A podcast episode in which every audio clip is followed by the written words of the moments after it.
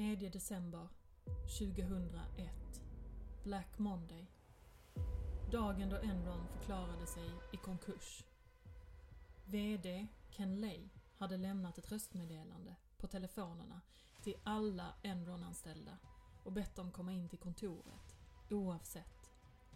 Nästan 5000 kallades till ett massivt möte och fick veta att lönecheckarna som de nyligen hade fått skulle bli deras sista.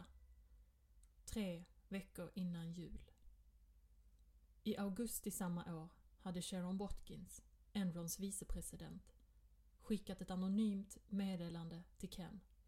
Där det stod “Jag är otroligt nervös för att vi kommer att implodera i en våg av redovisningsskandaler”.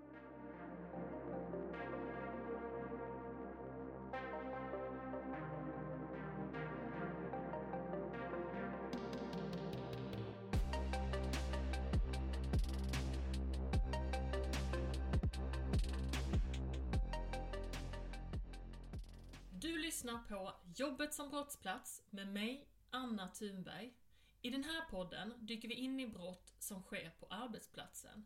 Och i dagens avsnitt ska vi titta på ett brott som har beskrivits som historiens största bedrägeri.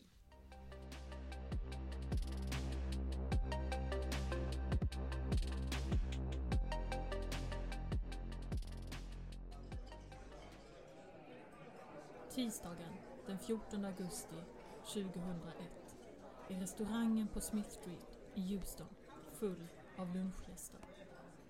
Mitt bland alla gäster står en kvinna vid namn Sharon Watkins. Hon ser sig omkring och möter många bekanta ansikten på kollegor som hon arbetar tillsammans med på energiföretaget Enron. De ser helt omedvetna ut. Sharon har sett Enrons siffror och förstår vad det betyder. Fartyget har träffat isberget och väntar nu på att sjunka. Sharon har tappat aptiten och skjuter undan sin tallrik. Hennes kollega, Cathy, ser bekymrad ut och frågar hur det är med henne. Sharon har knappt rört sin sallad och de ska snart gå vidare till ett viktigt möte. Hon har förtroende för Cathy och sänker rösten. Hon berättar. Skulder som presenteras som tillgångar. Krediter som inkomst och alla vinster som blåses upp. Rena finansiella bedrägerier. Katty svarar att det är komplexa transaktioner. Hon spänner blicken i Katty. Hon vet vad hon såg och är fullt medveten om hur det kan sluta. Katty bara skakar på huvudet. Sharon börjar känna sig yr. Hon har precis avslöjat historiens största bedrägeri. I restaurangen börjar det ringa intensivt i kollegornas telefoner. De svarar, en efter en. Och inom några sekunder försvinner allas leenden och de blir nästan gråa i ansiktet. Nu ringer Sharons telefon. Hon känner igen numret och svarar. Personen på andra sidan luren berättar att Jeff Skilling har lämnat sitt uppdrag som VD för Enron. Tänk om den enda logiska förklaringen till det var att Jeff visste vad Sharon visste. It starts with good people. Recruiting, retaining, motivating, creative people, intelligent people, I mean, really uh, have the capability of thinking about the world a little differently. Och för er som är lite nyfikna på vad Enron var för företag så ska jag berätta lite mer om det nu. Under 90-talet var det få företag som kunde mäta sig med Enron och det kallades för världens ledande energiföretag. Enron specialiserade sig på att leverera bland annat el, naturgas och pappersmassa. Det blev också utnämnt till Amerikas mest innovativa företag sex år i rad. Enron var Houstons stolthet. Det grundades 1985 av Kenneth Lay. Enron var ett bolag som bildades efter en sammanslagning mellan Houston Natural Gas Company och Omaha-baserade Internorth Incorporated. Efter sammanslagningen blev Kenneth Lay Enrons VD och ordförande. Lay ändrade snabbt Enron till en energihandlare och leverantör. Avregleringen av energimarknaden gjorde det möjligt för företag att satsa på framtida priser. 1990 skapade Lay Enron Finance Corporation och utsåg Jeffrey Skilling att leda det nya företaget. It's a tough world out there. It's a very competitive world. There probably are times that there's a desire to cut corners, but we can't have that at Enron. Och om du undrar vem Jeffrey Skilling var så ska jag berätta lite mer om honom nu. Jeffrey Skilling föddes 25 november 1953 i Pittsburgh, Pennsylvania. Han växte upp tillsammans med mamma Betty, pappa Thomas och tre syskon. Jeffrey fick sitt första jobb som 16-åring på en TV-station och 1977 började han studera på Harvard Business School. En av Skillings mest kända uttalanden gjorde han under ansökningsprocessen till Harvard då han fick frågan om han var smart. Då svarade han I am fucking smart. 1979 tog han examen med toppbetyg och började arbeta som konsult på energiföretaget McKinsey Company. Som konsult arbetade Skilling med Endon under 1987 och hjälpte företaget att skapa en marknad för naturgas. Skilling imponerade på Ken Lay och anställdes under 1990 som ordförande och verkställande direktör för Enron Finance Corporation. 1991 blev han ordförande för Enron Gas Services vilket var ett resultat av sammanslagningen av Enron Gas Marketing och Enron Finance Corporation. Skilling utsågs till VD för Enron Capital and Trade Resources som var dotterbolaget med ansvar för energihandel och marknadsföring. Han befordrades till operativ chef för Enron under 1997, näst efter Lay, samtidigt som han förblev chef för Enron Capital and Trade Resources. En av Skillings mest imponerande initiativ var Mark to Market-redovisning. Där förväntade framtida vinster från en affär redovisades genom att uppskatta deras nuvarande värde snarare än historisk kostnad. Detta kan låta jättekonstigt och jag ska förklara detta lite mer eh, ingående senare i avsnittet. Skilling började förespråka en ny idé. Genom att främja företagets aggressiva investeringsstrategi behövde företaget egentligen inga så kallade tillgångar. Denna plan bidrog till att göra Enron till den största grossisten av gas och elektricitet med 27 miljarder dollar omsatt under ett kvartal. I själva verket var denna metod ett bedrägeri. Investerare hade ingen aning om Enrons oetiska och giriga strategier utan var snarare imponerade av de förtjänster de skapade. Tack vare manipulationen av siffrorna fanns Enron på nästan varenda analytikers köplista. Den 12 februari 2001 utsågs Skilling till VD för Enron och ersatte Lay. Han var planerad att efterträda Lay också som ordförande i början av 2002.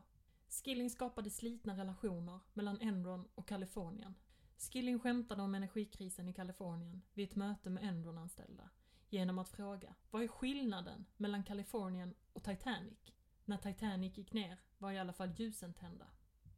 Den 28 mars 2001 intervjuade PBS Frontline Skilling där han försvarade Enron med att säga Vi är de goda.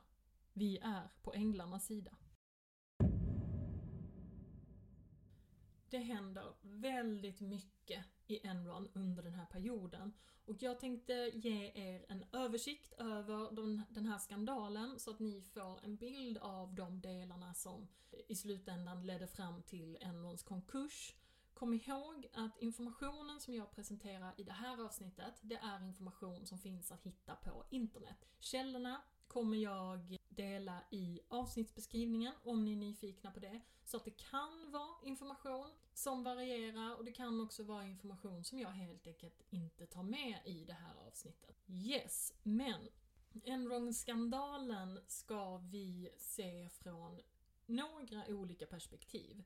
De lyckades ju manipulera Enrons konton och stora, enormt stora mängder skulder doldes för företagets balansräkning. Det här är en väldigt komplex och avancerad process enligt mig som inte håller på med ekonomi överhuvudtaget eh, och jag tänker inte ens ge mig på att försöka förklara det. För, men ni kan googla om ni är nyfikna på det. Ni kanske förstår det här bättre än jag.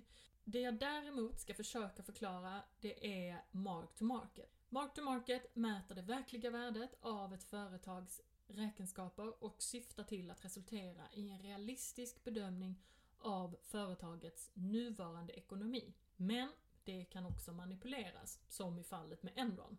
Inledningsvis skulle företaget skapa en tillgång som ett kraftverk exempelvis och omedelbart göra anspråk på vinst, även om tillgången inte hade resulterat i någon vinst för tillfället. Istället för att ta hänsyn till faktiska vinster använde företaget de beräknade vinsterna för sin redovisning. Om den faktiska inkomsten slutade med att vara lägre än den beräknade vinsten skulle företaget överföra tillgången till ett helt annat företag och därför undgå att rapportera förlusterna. Detta redovisningssystem gjorde det möjligt för företaget att skriva av olönsamma satsningar utan att det skulle påverka det officiella nettoresultatet. We play by all of the rules. We stand by our word. We mean what we say. We say what we mean. We want people to leave a transaction with Enron thinking that they've been dealt with uh, in the highest uh, possible way as far as integrity and, and truthfulness and really, really doing our business right. Ett annat perspektiv som också är väldigt viktigt att belysa det är Enrons interna kultur som också blev allt mer tvivelaktig och destruktiv. Be- began by attracting the kind of people that are more comfortable in an environment of change. John tog ett par djupa andetag innan han reste sig upp från sitt skrivbord och började gå mot Jeffs kontor. Några av hans kollegor klappade honom på axeln när han passerade deras skrivbord i det öppna kontorslandskapet. De visste precis vad som väntade. De behövde alla göra samma sak. John började svettas. Han visste att det kunde vara hans tur att lämna denna gång.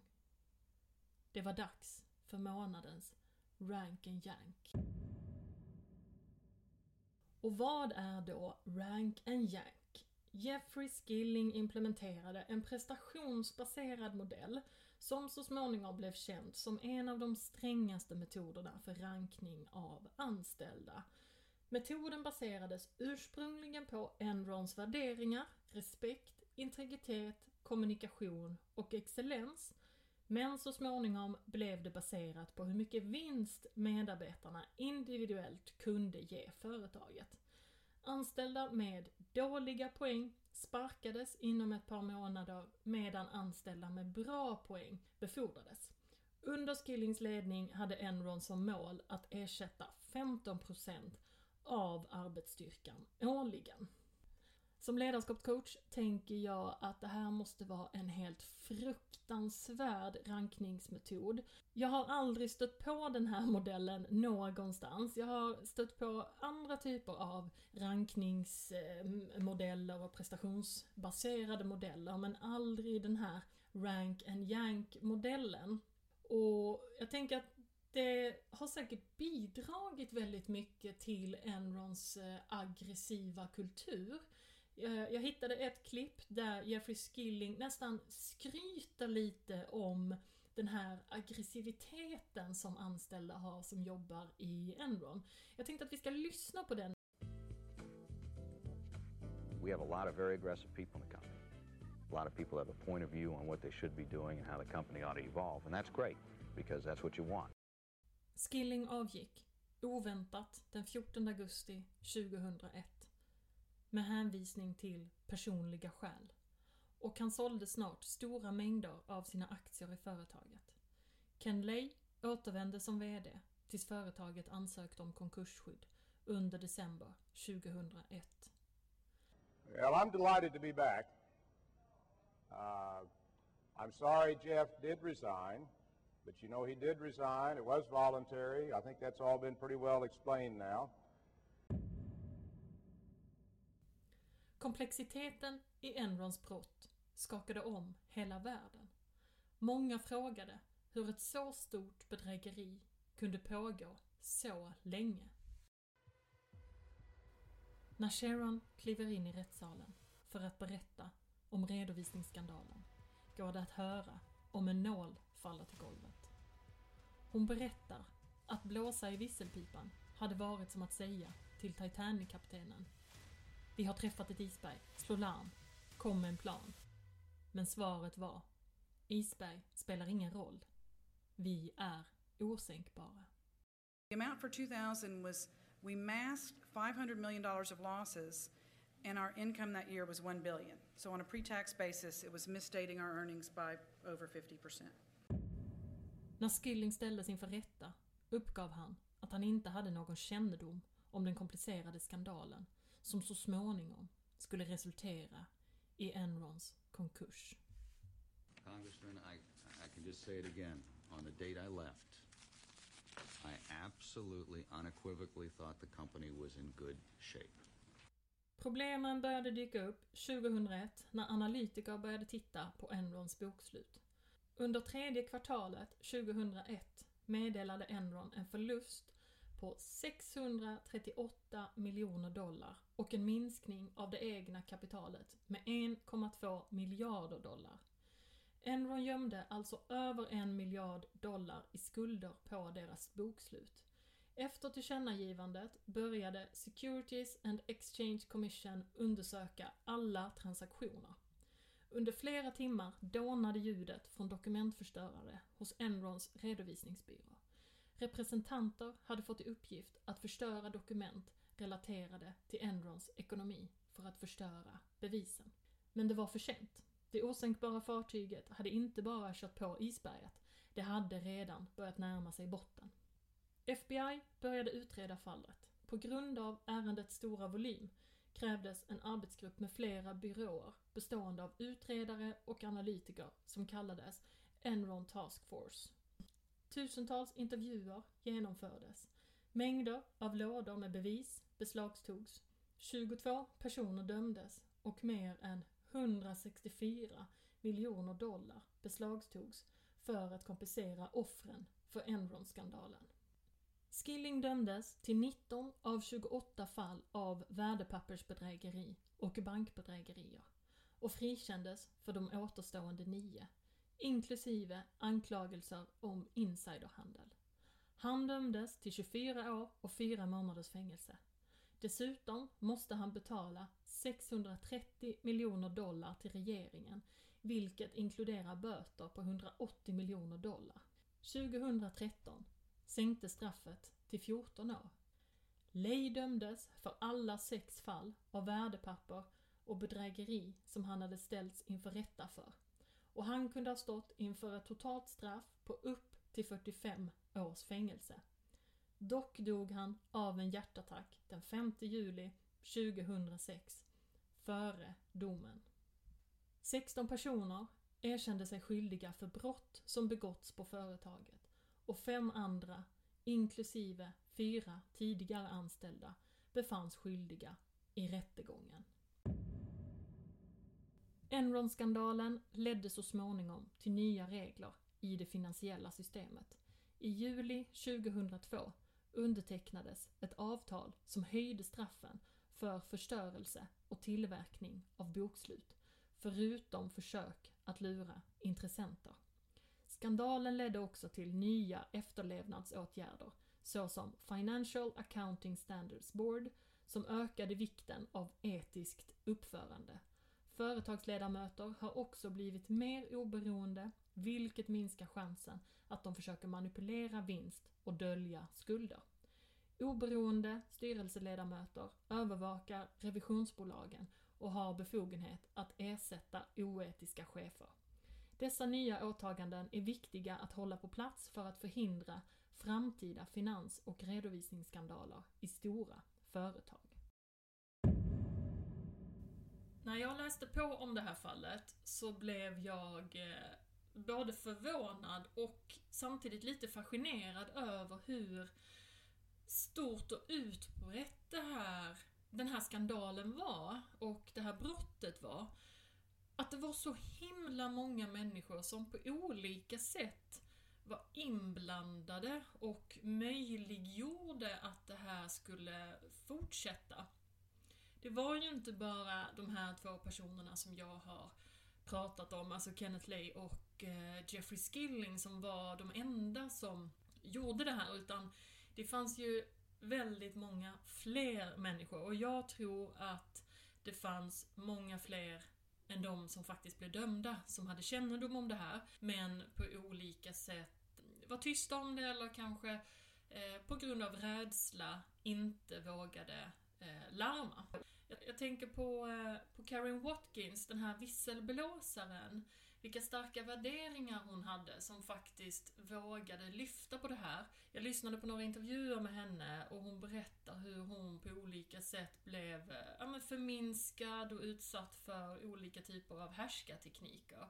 Eh, där hon på många sätt kände att det var henne det var fel på och liknande. Och jag som jobbar med många organisationer där människor känner på ungefär samma sätt. Jag vet vilken kraft som krävs för att faktiskt våga stå upp för det man ser är fel.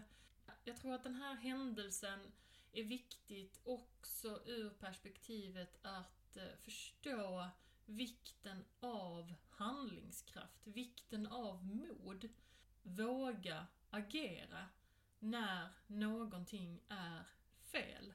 För jag vet att det är många människor som ser både stora och små fel ute i, på arbetsplatser, både i Sverige och i världen, men som inte vågar lyfta det för att de är rädda för, kanske inte att bli hörda, eller för att eh, på olika sätt bli bestraffade. Eh, och jag tror att vi kan bli lite mer modiga. Jag tror att vi kan eh, jobba lite mer på att bygga in i kulturen, att faktiskt våga prata om det som är fel. Våga adressera beteenden som inte är okej, okay, eller kanske rent av brottsliga.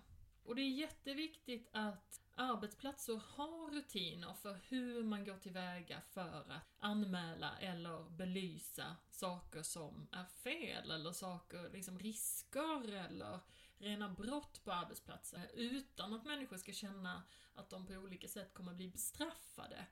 Eh, för gör vi det, då kommer vi egentligen bara sprida en tystnadskultur. Utan vi måste, vi måste bygga en kultur där människor känner sig trygga med att belysa och kanske anmäla det som är fel. Eh, utan att känna att de behöver känna rädsla för att bli bestraffade. Det är en grund i att känna psykologisk trygghet på sin arbetsplats. Vilket forskning har visat är det absolut viktigaste för människor att få känna. Till och med viktigare än lönen i de flesta fall. Så att jobba med det är superviktigt.